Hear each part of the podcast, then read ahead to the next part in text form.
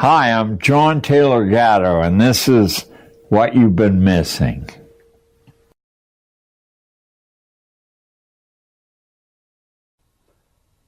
Nothing in the world can take the place of persistence.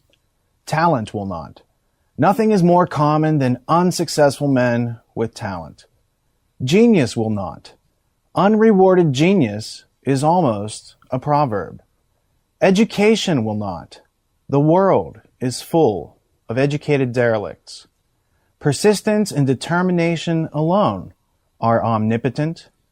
The slogan, press on, has solved and always will solve the problems of the human race.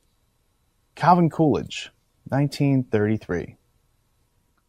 Greetings and welcome. I'm your host and navigator, Richard Grove, and this is a very special interview episode of What You've Been Missing, featuring the gentle tone, scholarly insights, and wealth of wisdom that combines in the form of John Taylor Gatto, the legendary educator, author, and icon of liberty who offers a lifetime of perspectives on the origins, intentions, and destiny of the compulsory public school system. This five hour journey represents a landmark in American history and was filmed over two days on July 4th weekend 2011 in the Constitution state of Connecticut. This is a comprehensive interview session which not only memorializes John's life's work, but also embodies a return of our birthright as human beings. Truly an event which is relevant and relative to each and every one of us. This message applies to children and adults, parents and grandparents, students and teachers, administrators and politicians, blue collar, white collar, no collar, everyone who uses words and symbols to meet their needs, everyone who depends on accurate information to thrive and survive in this world. The purpose of this interview with John is to provide each and every individual with the essential facts which pertain to our survival here on earth, both as individuals and as a species, and yet have been censored from our public schooling. The envisioned outcome would be for each and every human being to possess the knowledge and understanding which allows them to exercise intellectual self-defense and self-liberty, thereby succeeding in pursuing and attaining happiness. It's designed to be shared and studied by individuals and groups to provide the evidence, organize the ideas, and facilitate the constructive conversations and actions necessary to address the root causes of our ever growing incoherence as human beings. Since this interview contains over 200 footnotes and references and discusses the contents of more than 30 classic books essential to understanding life here on earth, I would humbly recommend that your first viewing be invested into just soaking in this information and consider it for yourself. And after thinking about it, to then view it again with the intent of looking up the references to embolden your understanding and clarify the focus of your new expanded perspectives. This interview session could be screened over five hours, five months, or five years, as it could take that long to consume the primary and secondary source materials referred to herein. Most importantly, what you get out of the ultimate history lesson will be in direct proportion to the amount of attention and focus that you can invest into it. As each hour of the interview progresses into another, you are literally crossing thresholds of discovery. And by hour five, the layers of these discoveries yield a truly inspiring realization. That being said, the conversation which forms the entirety of this interview is almost entirely composed of facts and references pointing toward a preponderance of evidence, which is, for the most part, unknown to the general public. And it has everything to do with the myriad of crises which face humanity, starting with our own incoherence and inability to problem solve our way forward. We're not asking you to agree with us nor to believe what we're saying. We're simply trying to provoke you into looking into these matters for yourself by providing you with an accurate map which leads to your own factual and substantial understanding of reality. For as Aristotle once wrote, it is the mark of an educated mind to be able to entertain a thought without accepting it. Through these interview sessions with John, you're going to be introduced to a variety of historical personalities and, we hope, curious to review the history which has led us to this point. And to that end, this is not about disproving or debunking what we've been taught so much as it is a journey of discovery to discern reality and to discover our birthright as human beings so that we might go forward in order to meet the challenges we all face here on this planet together. This is truly something that corporate establishment media, public schools, and universities cannot afford to teach us. So without further ado, let us begin, as they say, at the beginning. On December 15th, 1935, John Taylor Gatto was born in western Pennsylvania in the coal mining and steel milling town of Monongahela, about 35 miles southeast of Pittsburgh. During his early school years, he spent a year at an elite Jesuit boarding school near Latrobe, Pennsylvania, where, as you'll soon hear, he learned to think dialectically and was beaten sufficiently by the nuns to create his outspoken temperament, which has endured lifelong. John did undergraduate work at Cornell University, the University of Pittsburgh, and Columbia University, and then served in the United States Army Medical Corps at Fort Knox, Kentucky, and Fort Sam Houston, Texas. Following Army service, John did graduate work at the City University of New York, Hunter College, Yeshiva University, the University of California, Cornell and Reed College, which is a private independent liberal arts college located in Oregon. Like many famous American iconoclasts, John first honed his skills in a variety of professions before finding his talent for teaching, which proves to be his real gift to this world. After almost 30 years of teaching in New York City's inner city schools, he was named New York City Teacher of the Year in 1989, 1990, and 1991, and that same year was also named New York State Teacher of the Year. Later in 1991, he wrote a letter announcing his retirement from teaching titled, I Quit, I Think, to the op-ed pages of the Wall Street Journal, stating that he no longer wished to, quote, hurt kids to make a living, end quote. Soon thereafter, he was the subject of a show at Carnegie Hall titled An Evening with John Taylor Gatto, which then launched a career of public speaking in the area of public school reform. He then began a worldwide public speaking and writing career and has received several awards from libertarian organizations, including the Alexis de Tocqueville Award for Excellence in the Advancement of Educational Freedom in 1997. John has been invited to speak all around the world to share his research and has spoken to audiences in Australia, Spain, France, England, Mexico, China, and Canada, as well as every one of the 50 American states. Since his public resignation in 1991, he has traveled over 3 million air miles, spoken at Harvard University, NASA Space Center, the White House, Smith College, Cato Institute, and many other places. He's also been a keynote speaker at over 30 state homeschool conventions, and he supports something called unschooling and open source education for personal learning. In his book, Weapons of Mass Instruction, here's how John defines open source education. Open source learning accepts that everything under the sun might be a possible starting point on the road to self mastery and a good life. In open source, learning sequences are personally designed or personally signed off on, and everyone you encounter in life is a potential teacher. In open source, teaching is a function, not a profession. Everyone learns and everyone can teach themselves how to learn anything as well as learning how to teach others. In open source, students are the active initiators. You learn that you either write your own script in life or by default, without your input, you become an unwitting actor in someone else's script. The main thesis of John's body of work can best be illustrated, in my opinion, by asking the question, what do public schools actually teach children?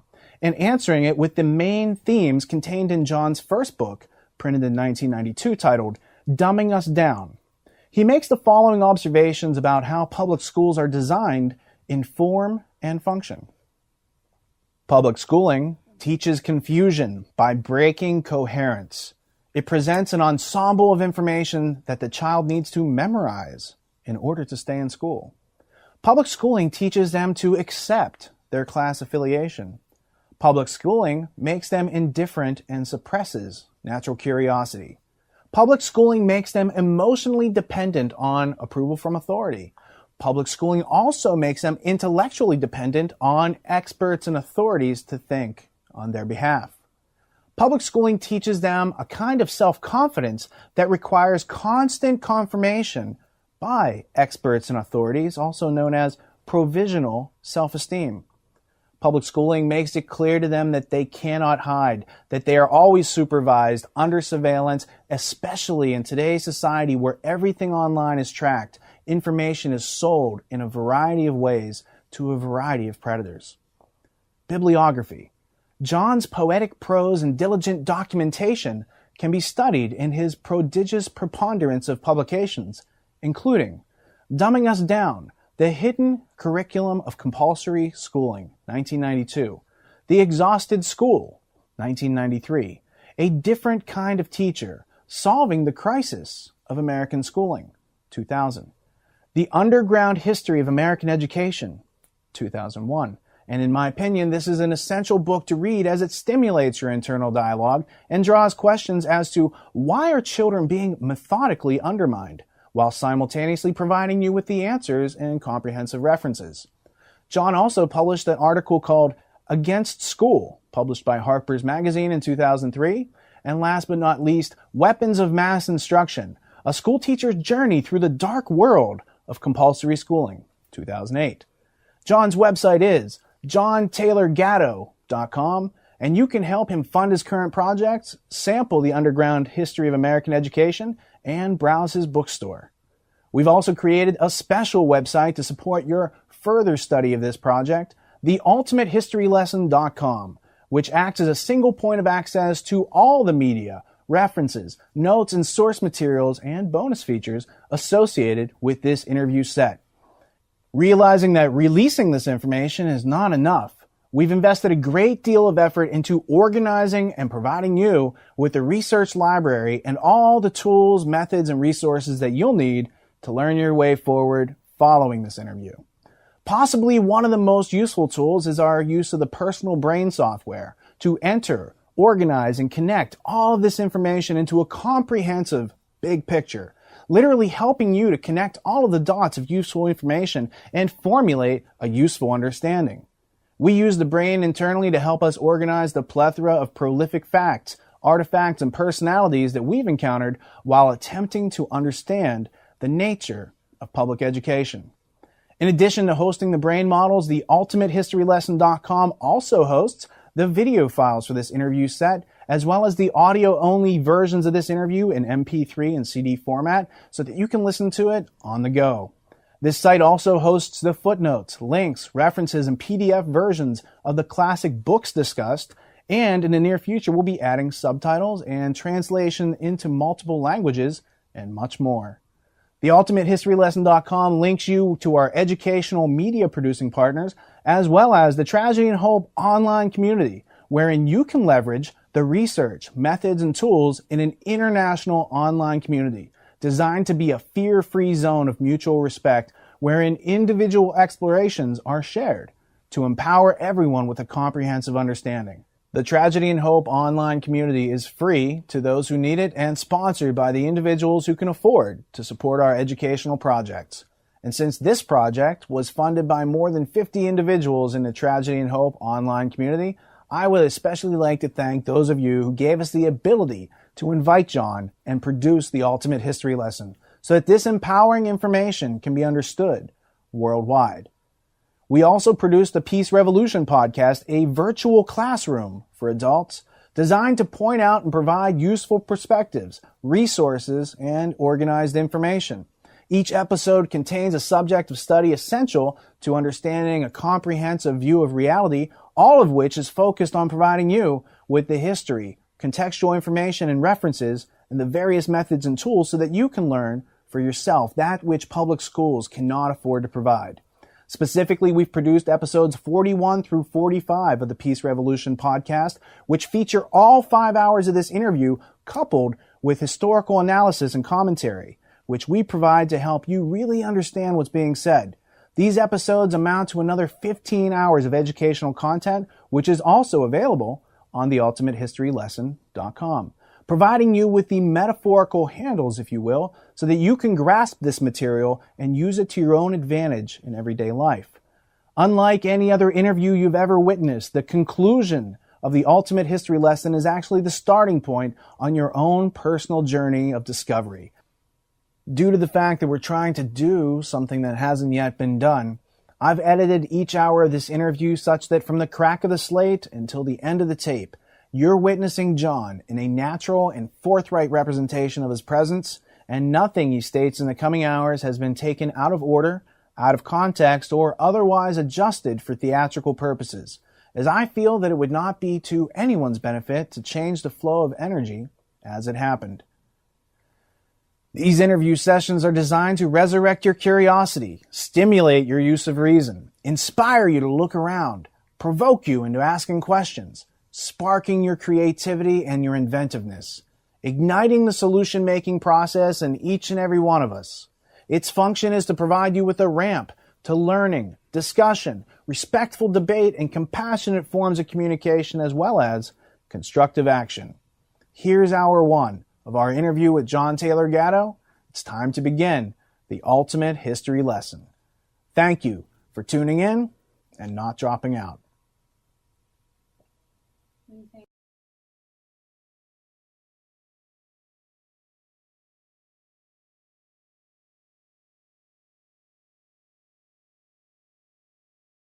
You know, for pushing that button, you get a camera credit. That's pretty good.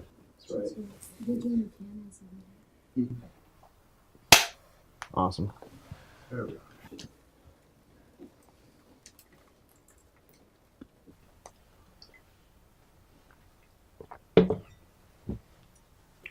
I don't even know that we'll need the slides necessarily.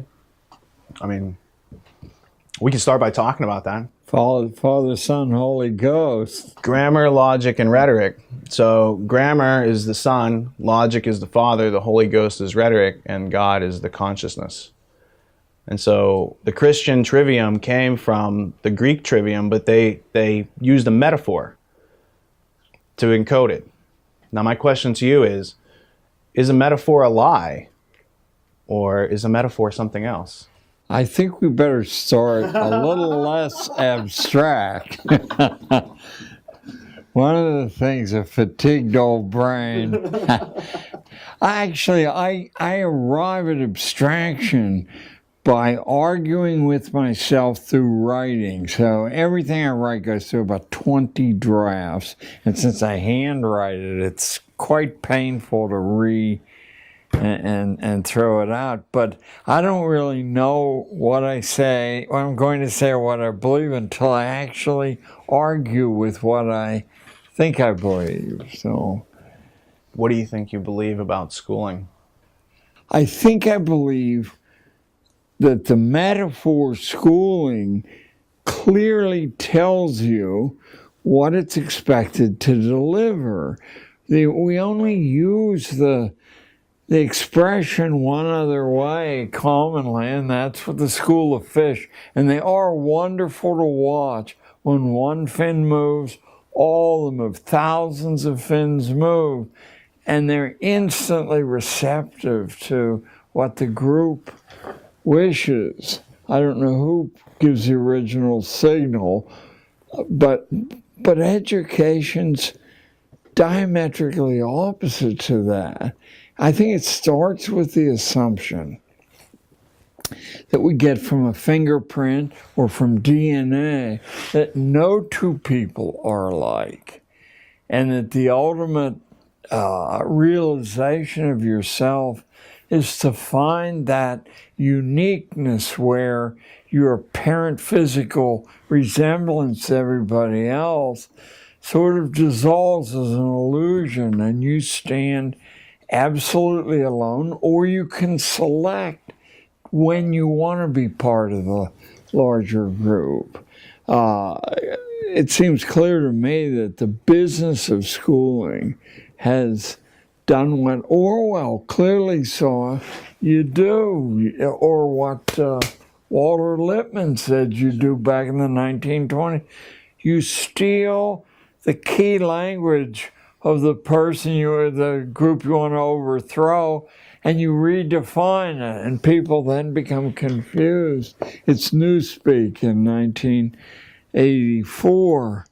So the the schooling transformation occurs when they see that the language of education is highly regarded, highly respected, and even in people who don't participate, there's an urge in that direction.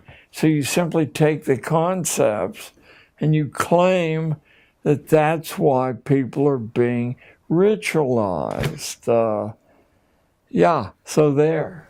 So you describe that individual beings, when in groups, kind of subvert their own individual thinking power. And the, the, the law of identity, none of us can change who we are. We have to be ourselves, and that is constant throughout life. So it's about figuring out how to remain individually self reliant and self sufficient as going through these systems that are trying to change us and to make us less self reliant and more. Very much so. And I think the awareness of these contrary dynamics is what gives rise to the theories of dialectic. I mean, Aristotle all the way through history, the variety of them, but they participate in the same way as essentially asking you for your own self defense, not to assume that what anyone says especially as they climb the authority ladder, is the truth. Often the misinformation comes from innocent self delusion, but just as often as you move up the power pyramid, it comes from a malign intent toward your own individuality. So it's like a betrayal of truth that occurs, or you know, a betrayal of, of, of, you know belief in some authority structure that you want to believe in is true, and then little by little you realize that it's not necessarily how it might have been presented to you. Right, even in your own individual inner life and consciousness. Before the cameras rolled, I said the way I learn what I'm thinking is to write something down that I think I believe and then I argue with it and it never survives. How about that? Now, what scares me is that when I go back to it year after year, most of it doesn't survive. I mean, it takes years before I get to a core and I say, I'm not personally capable of moving beyond this, this thing, so that we're so well conditioned from infancy uh, not to see the truth or relate the truth, but to shave it, that the first step in reaching for an education, I think, is to mistrust what you most are certain of, to mistrust that. Now, it may survive, but it needs tested not once until you're exhausted from testing it. Is the school system designed to get kids to grow into a thriving, self responsible, self reliant adult?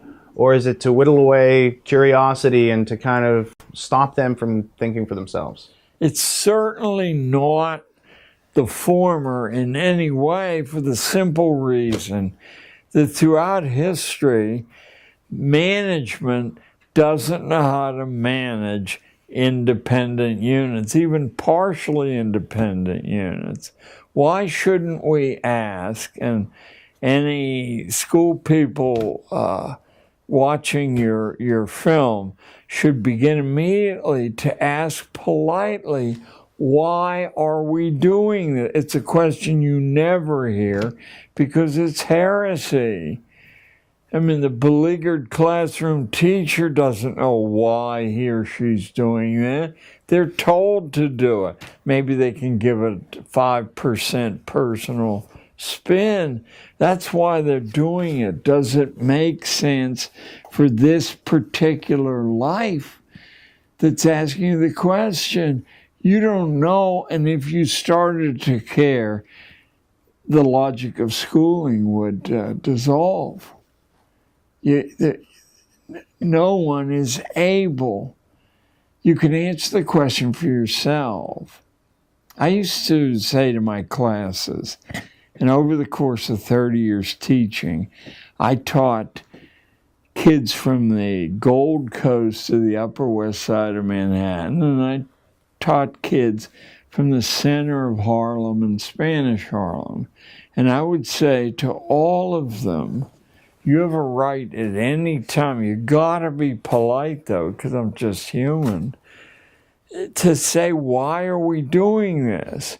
And if I can't produce an answer that convinces you that I believe it, then you have a right to opt out and do something else as long as you don't run wild and bring the whole house down. Uh, it, it helped me grow year after year. Not that it, they ask very often because they're conditioned not to do that, but enough did ask that I was put on my own mettle to say, why am I doing this? And uh, it was a continual uh, expansion of my own insight until politically I couldn't do it any longer. The school, oddly enough, made me so internally famous that it drew extra attention and my system couldn't survive under the scrutiny because they would see the disparity between what I was doing and what the protocols were. So, so there. So it sounds like uh, the if I'm trying to get to the root cause of why your teaching career ended, it sounds like you started asking questions, John. And it sounded like the question started with why with a question mark, and then maybe you were asking some other like you know the five W's plus how, and you were actually getting observed Constantly knowledge. Asking myself questions, then forcing my classes to ask me questions and themselves questions, and eventually the productive output of my classes was so great inadvertently i didn't care how the school measured product but it was so great that i would get visiting delegations sometimes on a daily basis for months and they would leave baffled because they wouldn't see the drama unfolding that they understood as schooling and they were right.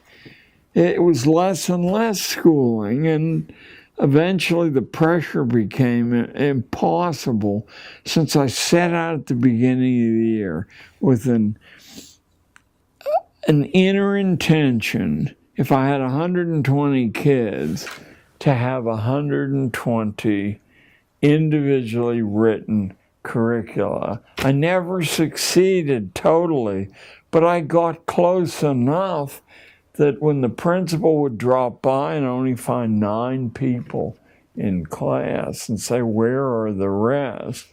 that I ran out of strategies to explain where the rest were. So, so uh, yeah, I couldn't operate. I couldn't function any longer because my physical strength wasn't up to it. So How did part of the strength of your actual teaching come from releasing children from the classroom and letting them go out in the world and actually gain some useful oh, huge experience? amounts of it came from releasing anyone who had an independent course to follow, becoming that boy or girl's assistant, always with the mother's permission, because they couldn't deal with that kind of additional political pressure. So, what they would learn and bring back would be like food for me. I would be like I was 120 people simultaneously. Oh, I learned much more than I learned at the two Ivy League colleges I attended. I used to say to my wife, and it sounds fanciful, as though, oh, he must love children, which is not true. I, I love people. and people can be five years old, but but people who suck their thumb and, and, and rattle and extend childhood, school's intention is to artificially extend childhood. And there really is no practical terminus for that. If they can extend it through graduate school and postgraduate. What is the actual reason that their childhoods are being extended? What, how's it the I society? think what we never discuss, or that the extreme left has preempted to discuss, so they marginalize themselves, is the intimate interrelationship between the economy and the way we train the young. To the extent that we once had a wildly variegated economy. I'm quoting Abraham Lincoln in 1859, famous speech of the Wisconsin Agricultural Association. Lincoln said, I call this mudsill theory because he used that term. L- Lincoln said the British are financing the whole Western movement and they're attempting to reinstall their class system. And so they send their young sons over to make sure that not a whole lot of attention is paid to ordinary people or people who live in simple homes that have mud sills. He said they're not, according to the British thinking, they're not worth training or worrying about because there's no way they can possibly improve. Lincoln said, Look around you. Three quarters of our population has an independent livelihood, and the quarter who doesn't works to put a little stake together to set up on their own and write their own script in life. He said, as a consequence, we don't have proletariat as they do in Britain and Germany and, and the European nations, and we aren't able to have a factory system where it exists in this country, which is in New England, in the textile industries, a factory will have 30 or 40 employees. They'll usually be young women waiting marriage. They'll be served tea at their machines, and there'll be opera performances staged for just to keep them at the machine because these independent livelihoods lead to you know, totally private, independent s- systems of value. So the British are wrong, but of course, the Civil War changed that. We're sold that it was a great crusade against slavery by the school system. The major historians who've turned their attention to that say, I mean, to a person, that slavery was already dead. It was staggering through its last couple of generations, not because of a moral transfer, transformation on the part of plantation owners, but because the wives of the plantation owners were scratching their head and saying, you know, the boss, my husband vanishes for a couple of days. We have all these new slaves and they're not black anymore. They're various shades of brown. So they, he, he, I'm thinking right now, I think Vern Parrington, but a, a number of historians 50 years ago said slavery was on its last legs because the Southern womanhood wouldn't stand for it any longer. Uh, Russia, I believe, had freed the serfs. Uh, Britain and the continent had done this thing. We were going to do it too. But it gave a nobility to the necessity to get rid of the Southern politicians who were trained in dialectical thinking, in rhetoric, and could run circles around the northern politicians in Congress. They could produce the most compelling arguments for this or that. And so the South had to be gotten rid of. From my understanding, those dry goods like cotton from the South that were produced by slaves were then going to uh, factories in the North. And the factory owners in the North figured out that the, the slave owners were paying too much overhead. It cost a lot to keep a whole family fed, et cetera. And there were letters exchanged, and they actually discovered it was cheaper. Why not make everyone uh, a, a slave who doesn't know that they're a slave? A wage slave. Right, Right.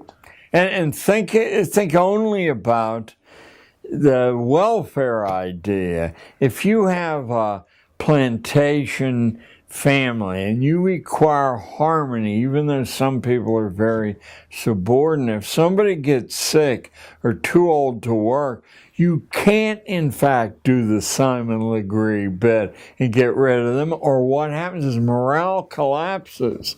So you have to care for them the discussions on the highest level among northern industrialists was why should we have to why should we have to support deadwood here? And we could do that if they were wage slaves. Yeah yeah. They and, and, and furthermore people like uh, count tolstoy was well aware of the hardcore underneath the romantic arguments, and so were a number of other people. But the public dependent upon media and pulpits, which were subsidized by the owners, could they couldn't find a zone where they could think clearly, or someone would say, "Yeah, here's the truth. Think about it." Early forms of mass media propaganda by from the pulpit or the newspaper. Or the before- Chautauquas. Oh, absolutely. The Chautauquas were put together by intense. The the family that uh, began Harper's Publishers and had the very prestigious journal of the time, Harper's Weekly. Lewis Lapham, the Lapham family. Well, was Lapham's a very latter his day. dad, wa- his his grandfather was in charge of Harper's though, and he was mayor of San Francisco, I believe. Mayor, he was uh, when the UN uh, came in, and he, he told me that uh, his boyhood was filled with foreign dignitaries in the home as house guests or putting throwing back a glass of wine. So you can actually trace the small number of families behind the Chautauquas, which were the most compelling mass media of the day, and you'd hear about what was going on in Boston, out in Cincinnati, and you'd want that. And selectively, ideas and ways of thinking were introduced to the best people, and they used their local prestige to make sure that, you know, it's a, a natural process. So, so what we got was a second American Revolution between, oh, I don't know, 1865 and about 1910. This time the British won again, but they didn't win by force of arms, but by force of insight into the way opinion is created. And when the skilled workers who had intense pride and really were the key to the prosperity of uh, early industrial operation, commercial operation, when the skilled workers understood their power, then industry and commerce were mechanized intensely and you wiped out the need for skill. You took less quality, but now you had less contention, less argument. Carnegie was uh, was instrumental in eliminating the the influence of skilled labor, and it continued right through the 20th century. What influence have the Rockefellers had on organized labor, skilled labor, They've education? the the Rockefeller family can actually be traced way back in Dutch history. There's uh, an ancestor of the Rockefellers who set up a rather detailed plan for global government hundreds and hundreds of years ago. It had just one of these flow charts that showed how you were going to do that or not. But uh, or the great irony, of course, is that Rockefeller and Carnegie's families were fringe people in the United States, but using their using their brilliant insight into leverage and how it works, both were able to take nothing and pyramid it into quite a bit. Rockefeller actually, his uh, father, I believe, but it may have been his grandfather, fled a rape charge, sort of like Strauss Kahn's up in Bainbridge, New York. He had been charged with rape of a maid and fled. They threw their, uh, Rockefeller threw their weight behind, this is emblematic of how they were, behind Horatio Alger, who also had been charged with rape up here in Connecticut, and the Newsboys Lodging House.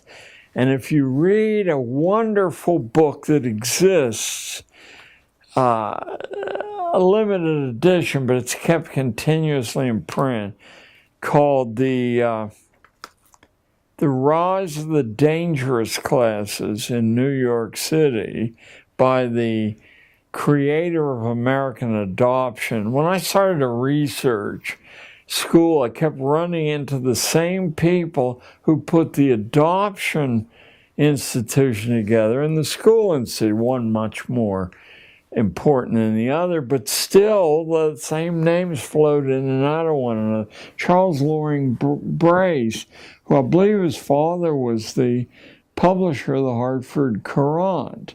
I'm almost sure in his early diaries say, I must find a way to become nationally famous.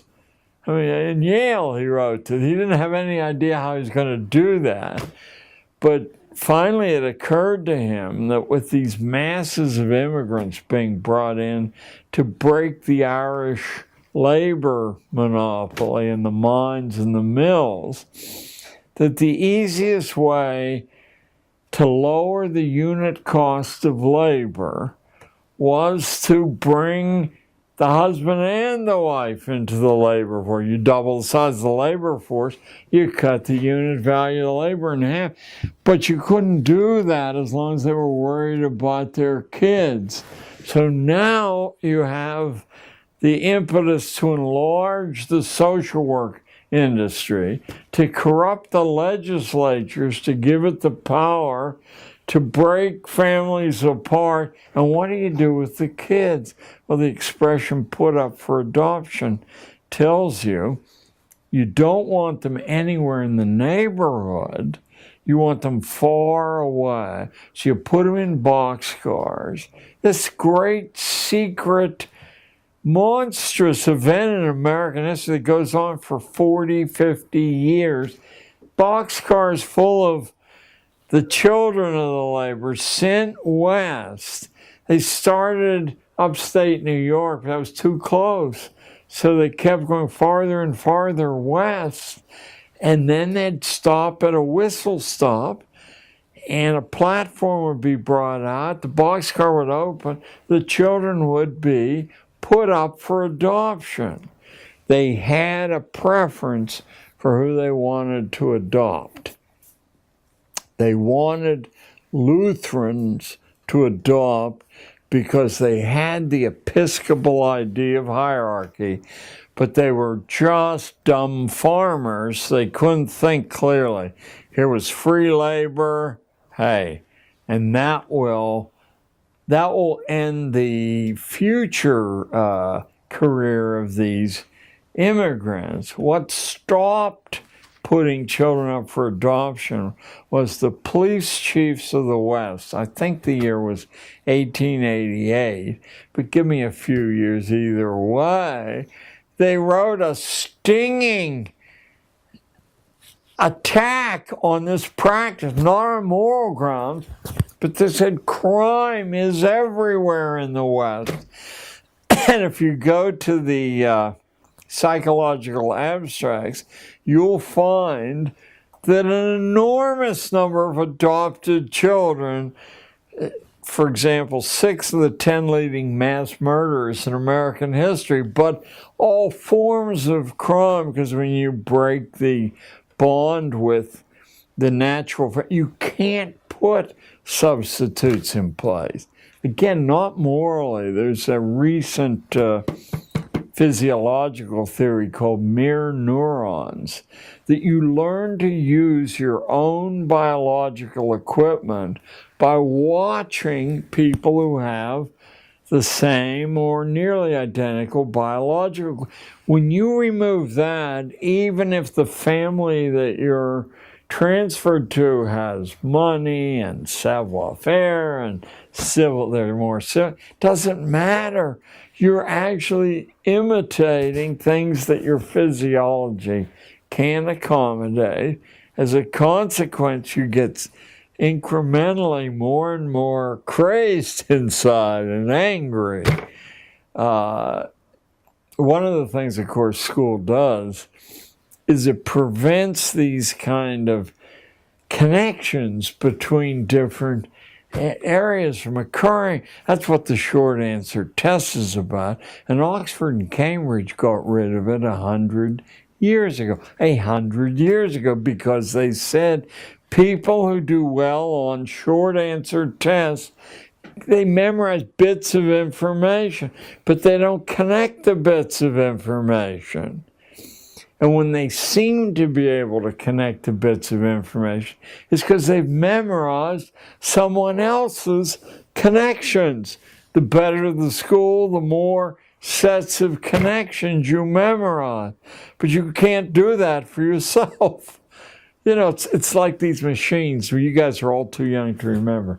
They used to sell machines that would relieve the stress of lifting weights. You'd put the weight in your hand, but the machine would lift your arm in the way. Only trouble was your muscle knew the difference. But the people buying the machinery didn't. Well, it looks exactly the same anyway, I, I uh, put me back on course here. Is there any connection between frustration and aggression? And what effect does schooling have on that? Well, you, you, I mean, you answer your own question by asking it. I mean, the connection's intimate.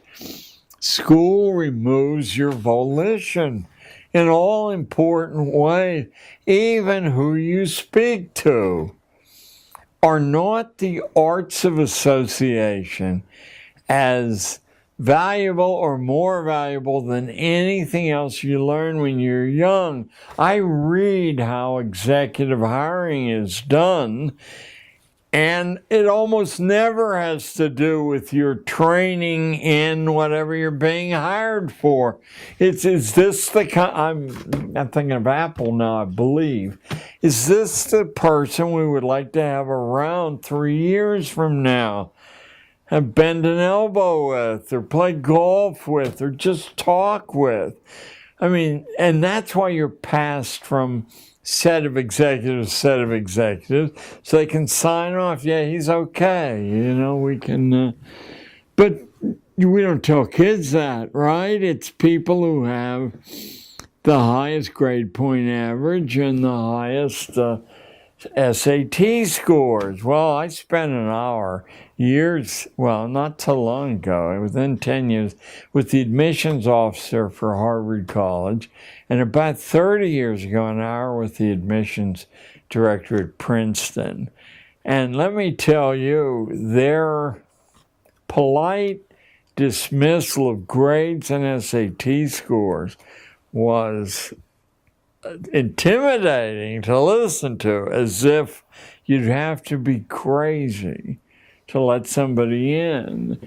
Let me see if I can uh, condense how you get into Harvard or Princeton. Of course, you get into both by donating a building, but but how do other people get in?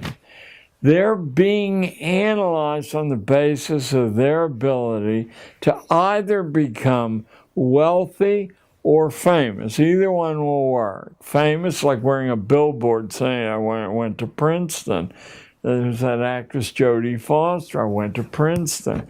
Look at where the rest of the actors and directors went. They didn't go anywhere, but Jodie did. So that's one we hear about. Uh, it's the Harvard lady said, We look for a record of excellence. And what does excellence consist of? It's sometime in the first 18 years of your life figuring out how to add value to the people around you. Uh, although she didn't say this in a way that catches public attention. So you might walk across the United States or bicycle the perimeter of the country or row across the Atlantic Ocean. Those are physical ways. You might start a little charity or set up some weather service or some pollution monitoring around uh, Hartford. There, there are a substantial number, a small fraction, but a substantial number of kids doing this as we sit here. They're writing a record of being able to add value to the community around them. And then the other fellow, the, the Princeton guy said the same thing in different words. I asked him, what about 68 roughly? I asked him, what part of a resume submitted do you look at first? And the answer metaphorically caused my jaw to open. Hobbies, he said. I said, I've been taught all my life leave that off because it's not germane. He said, on the contrary, it's the only honest information you're likely to get. How does someone spend their time when it's their free choice to spend? He said it's a window into their mind and their heart. Well, well, well, what kind of hobbies? He said, Well, ideally, someone would have a physical hobby, an intellectual hobby, and a social hobby, because that would show they're exploring these large, well, physical hobby. You mean football, baseball? Well, he said, it's better than nothing. But we would prefer not to see teams. I've been told all my life, the team sports identify your ability to work in a team. He said, What happens in a team sport is if you decide to dog it, it's very hard to tell which guy on the line has dogged it or not, or which running back has gone down quicker than he should have gone down. There, he said, We prefer uh, solo hobbies that involve physical danger. You mean you want kids to put their necks at risk?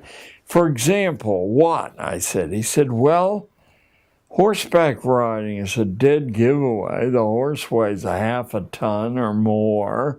Uh, if you do trail riding, you don't know what you're doing. Your head gets caught on a branch and, and you're the headless horseman. If the horse doesn't like you, it'll roll over on top of you. And I know immediately because that last time I rode a horse was down in Veracruz, Mexico. The horse didn't like me, took me out on the main highway with crazed Mexican drivers going 100 miles an hour and 18 wheelers and it laid down on top of me. I was terrified because I could see these trucks coming. Didn't like that the last time I rode. So he said, You have to actually know what you're doing. You can't say, Is this an A job or a B job? If you live and are intact, it is. Then he said, Sailing a small boat, these little 12 footers outside of land. Uh, if you don't know what you're doing, you end up in the middle of the Atlantic, you know, or, you, or, or if wind comes up, you can't see landmarks because of the waves. Uh, I said, but those things are associated with uh, the prosperous classes. What what could somebody in ordinary circumstances do? He said, well, we just let somebody in. This is probably one of the nicest factoids in my mind in my life. We just let someone in who invented his own sport and kept records competing against himself, his past performance, his present performance. It was, get ready for this, visualize this, seatless unicycle riding over broken terrain.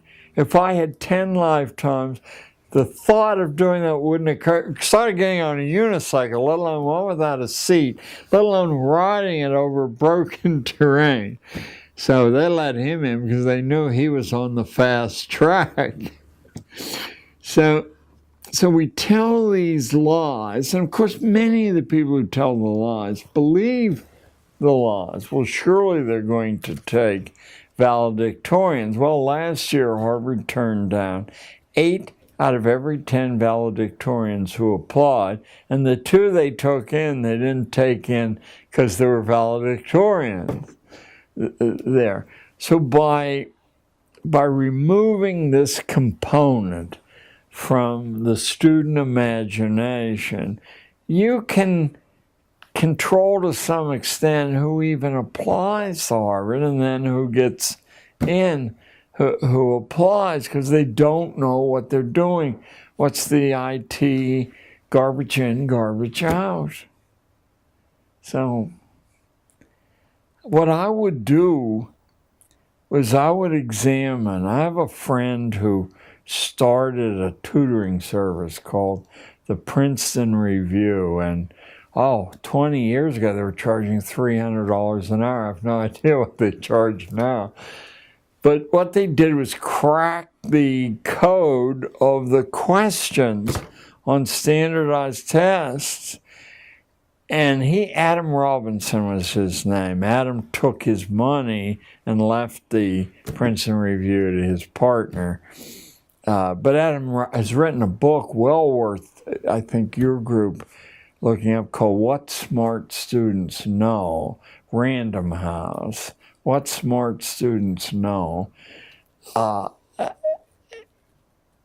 Adam was certain that you could pass standardized tests without having any knowledge of the, the subject as long as you understood the constraints the test the question architects were under. For example, two of the four answers offered are always so absurd that if you know that, now you're left with a 50 50 guess. I had figured out when I was in high school that if you had some way to measure the angles on the little uh, geometric figures on the test, that you didn't need to know. You could arrive at the answer simply by, you know, simplistic means. Uh, the evidence that all of us know standardized tests don't measure what they claim to measure is that nobody, I mean, nobody you encounter on the upper reaches of society would dream of hiring somebody on the basis of those tests or in grade point averages. You'd be playing Russian roulette because they measure nothing the grades largely measure that you memorize what you're told to memorize. I mean, there are a few other things, but that's the heart of it. So now you know you have somebody obedient, and probably for a clerk, that is a good measure. Not for someone who has to adapt to changing circumstances, you know, by the natural selection process of reality. Uh, it, it, it's fairly easy without being a wise guy or very learned, as long as you retain the ability to think independently from the data in front of you, to penetrate the masks, the contentions that don't conform to everyday reality. So, no one will hire you as a CEO and ask you what you're saying.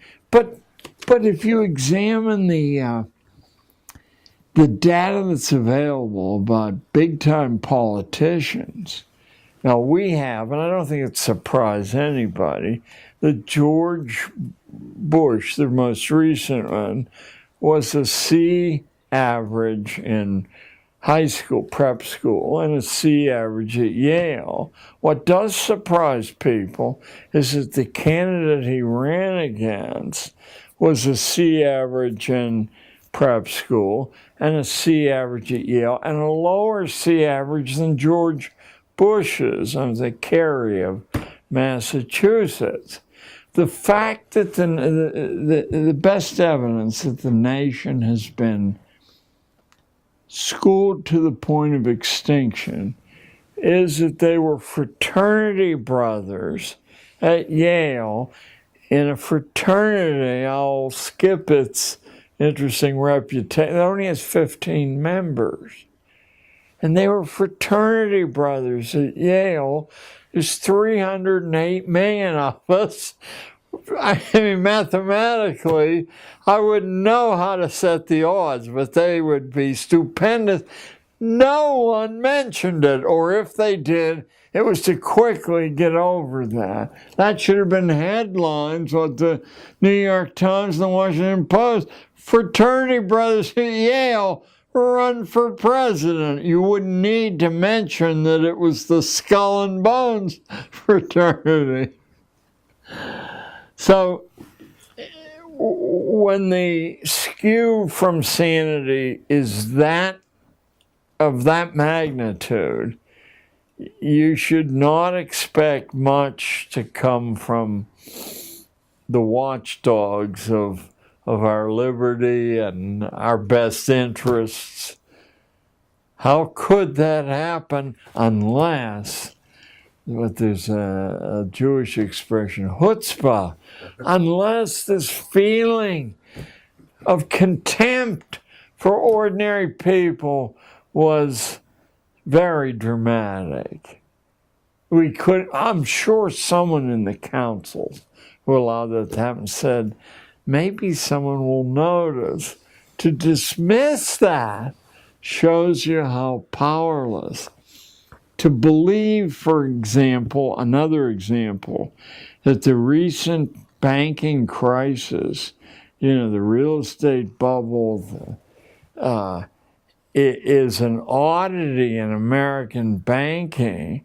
There have been five such since 1961 savings and loan, technology bubble, there have been five of those, and the central figure in all five is the Citibank of New York. Now, sometimes it's called First National, that's back in 61. Then it becomes Citibank, then it merges with another huge corp, and it becomes Citigroup. But the mentality loose uh, on that level shows utter contempt for the safeguards built into, you know, the founding documents or built into tradition as ordinary people, and that includes upper middle class ordinary people, expect it to be. It doesn't exist. Now, what we've run into is a people infinitely more sophisticated than us, with a 5,000 year civilization, who are even more amoral than we are, and look at starving 3 million people to death as they did 20 years ago. Is there any shortage of people? I mean, they're already running circles. I've spoken in China half a dozen times for various groups. And the Chinese government is a little bit worried, not a lot, that their system of schooling, very like ours, except more disciplined, uh, it seems to constrain the inventive imagination.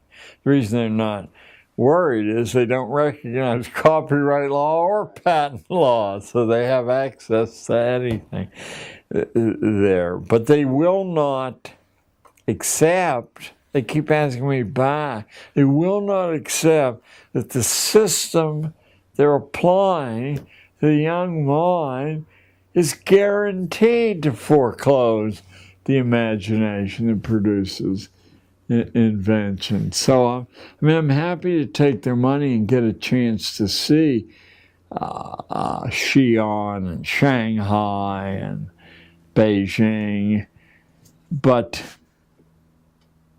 they will follow the course we follow. It'll just take a little bit longer, that's all. Your turn. In China, they have the outcome-based education system, but they're seeking to tweak it so that they can they can kind of improve it. They said we want to keep our people under, under control, but we want them to be more creative and productive and efficient and happy while they're doing it. Yes. Right now, the question is, if America has become more incoherent, wouldn't that be a function of the Prussian education system, outcome-based education, being used to control the workers and make more profits, and now it's just run its course? The uh, it's run its course. We're exhausted now our schooling is exhausted and the national vitality's been exhausted. The uh, I'm glad you used uh, the term incoherence. About three or four years ago, the Financial Times of London, on the editorial page, accused us of being an inco. You may have read the same piece I did, an incoherent society that we had lost a reason to be a nation at all because subsidizing bankers and drug companies wasn't a sufficient reason to proceed in history. Yeah, we're incoherent.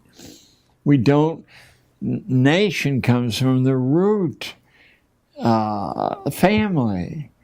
And, and we, we no longer have a concern other than a rhetorical concern with one another. I mean, obviously, there are many individual exceptions to that, but the government clearly has no such concern. We have evolved an economy that depends upon constant warfare.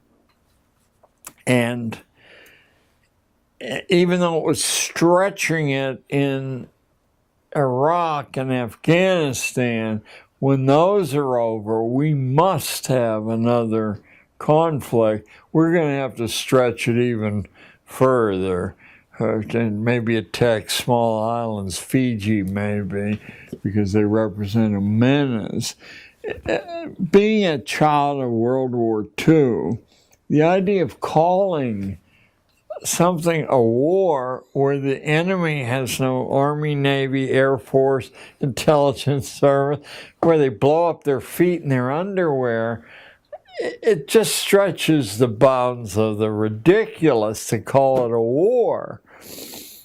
Uh, but we we got a we got an object lesson from uh, oh, a television comedian who said when you fly planes into a building, it certainly shows you have courage.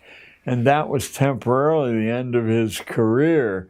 You do not speak in opposition to the main force driving events. Yeah, yeah, no. Uh, to look at to look at America between, let me roughly say, 1800 and 1865, and then from momentum right up to the First World War, there's this explosion of invention, and it comes from the unlikeliest places. It does not come from university trained inventors, it comes from everywhere.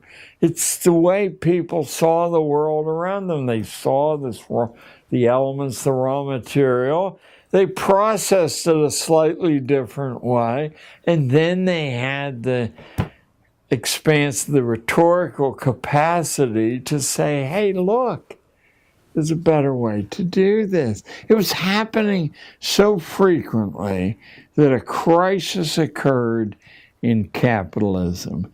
And without understanding this crisis, you really can't understand why our schools are the product of the Rockefeller family, the Carnegie family, the Astor family, the Vanderbilt family, the great capitalist families.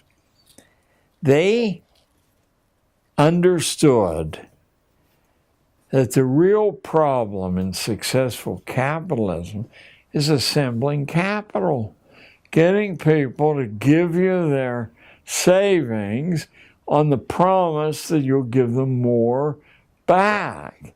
But if you have people in a, an inventive matrix who can look at the way the expensive businesses doing things open up across the street and either do it cheaper or better or simply open up somewhere else where no one is doing it.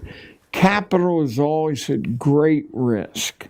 So, in or oddly enough, I don't want to claim credit for what really is a brilliant insight, but I want to crave credit. It was openly discussed, let me say, from 1880 to 1900. We were being forcibly converted from an economy of small farmers, small engineers, entrepreneurs into a corporate economy. And these men doing it, they weren't intellectual dummkopfs. They could see that as long as the American inventiveness was loose like a wild beast, they were going to have a lot of trouble pulling. Someone would say, but I saw, you know, Jack, and he went belly up. So, Prussian schooling, which had, for a different reason, had been out to destroy the imagination. And let me say to anyone listening to this when someone makes a reckless statement like that, you make sure they can document it. And I will document it as long as you're willing to walk to your local public library. Because in every public library worth its salt in the United States and in every college library, you will find a collection of essays by a Prussian philosopher, Johann Fichte, who was the immediate heir to the University of Berlin's philosophy department, which had been under Immanuel Kant. Fichte wrote a series of, uh, it was over a dozen public essays to the Prussian king from let's say, let me say 1808 to about 1818. They're called Addresses to the German Nation. And the provocative event that set the first one off was the Prussian army, which was the Prussian economy, renting soldiers, stealing other people's stuff, had been whipped by Napoleon's amateur army at the Battle of Jena in 1806. And Fichte said it was because this demon imagination was loose among ordinary soldiers, and in situations, they would override the orders from headquarters about what to do, and that's why we lost. Now, what should fascinate anyone listening is That's exactly what the so called liberal philosopher uh, Spinoza in Holland had said in 1690 in a book called Tractatus Politico Re- Religico Politicus. Tractatus Religico Politicus. Spinoza said that the ordinary population was so psychologically diseased, murderously so, there was no way to heal it. Just as Fichte, 125 years later, said there was no way to heal the disobedience gene in people who thought for themselves. Fichte said we have to set up a system of forced schooling, universal forced schooling, in which we destroy the imagination. Bells, ordered lessons, constant testing, rankings. Now, if it were only those two major figures, but you now can go back a few hundred years in history to John Calvin's Institutes of the Christian Religion, which is this thick, tiny print. But if you ever go mad and actually force yourself to read it rather than to read what an encyclopedia tells you it says, you'll find that Calvin says that the saved are saved before they're born the damned who are 19 to 1 are damned before they're born, and no amount of good work or behavior can save the damned, and no amount of evil behavior can damn the saved. The expression that used to be pretty common but has vanished, I think on purpose, is justified sinners. The saved are justified sinners who can do anything. They can carpet bomb civilian populations, whether they're Nazis or Americans. You know, you've done no harm according to Calvin. Calvin said the only way this, the elect, he called the saved, the elect will be ever be safe because they're outnumbered so heavily, is to set up a system of universal compulsion schooling with the intention of destroying the imagination and filling the head with garbage. Spinoza said the same thing. Fichte said the same thing. So I think we, we just ran out of tape. Is that what happened? Is Yeah, that one still running? Yes, that's But it has no micro. on. All right. So we're going to take uh, a 10 minute break. Oh, good. We're going to change the tapes. We're going to turn all these lights out. We're going to turn the AC back on and cool you off. If you want to get up and move around, use the bathroom.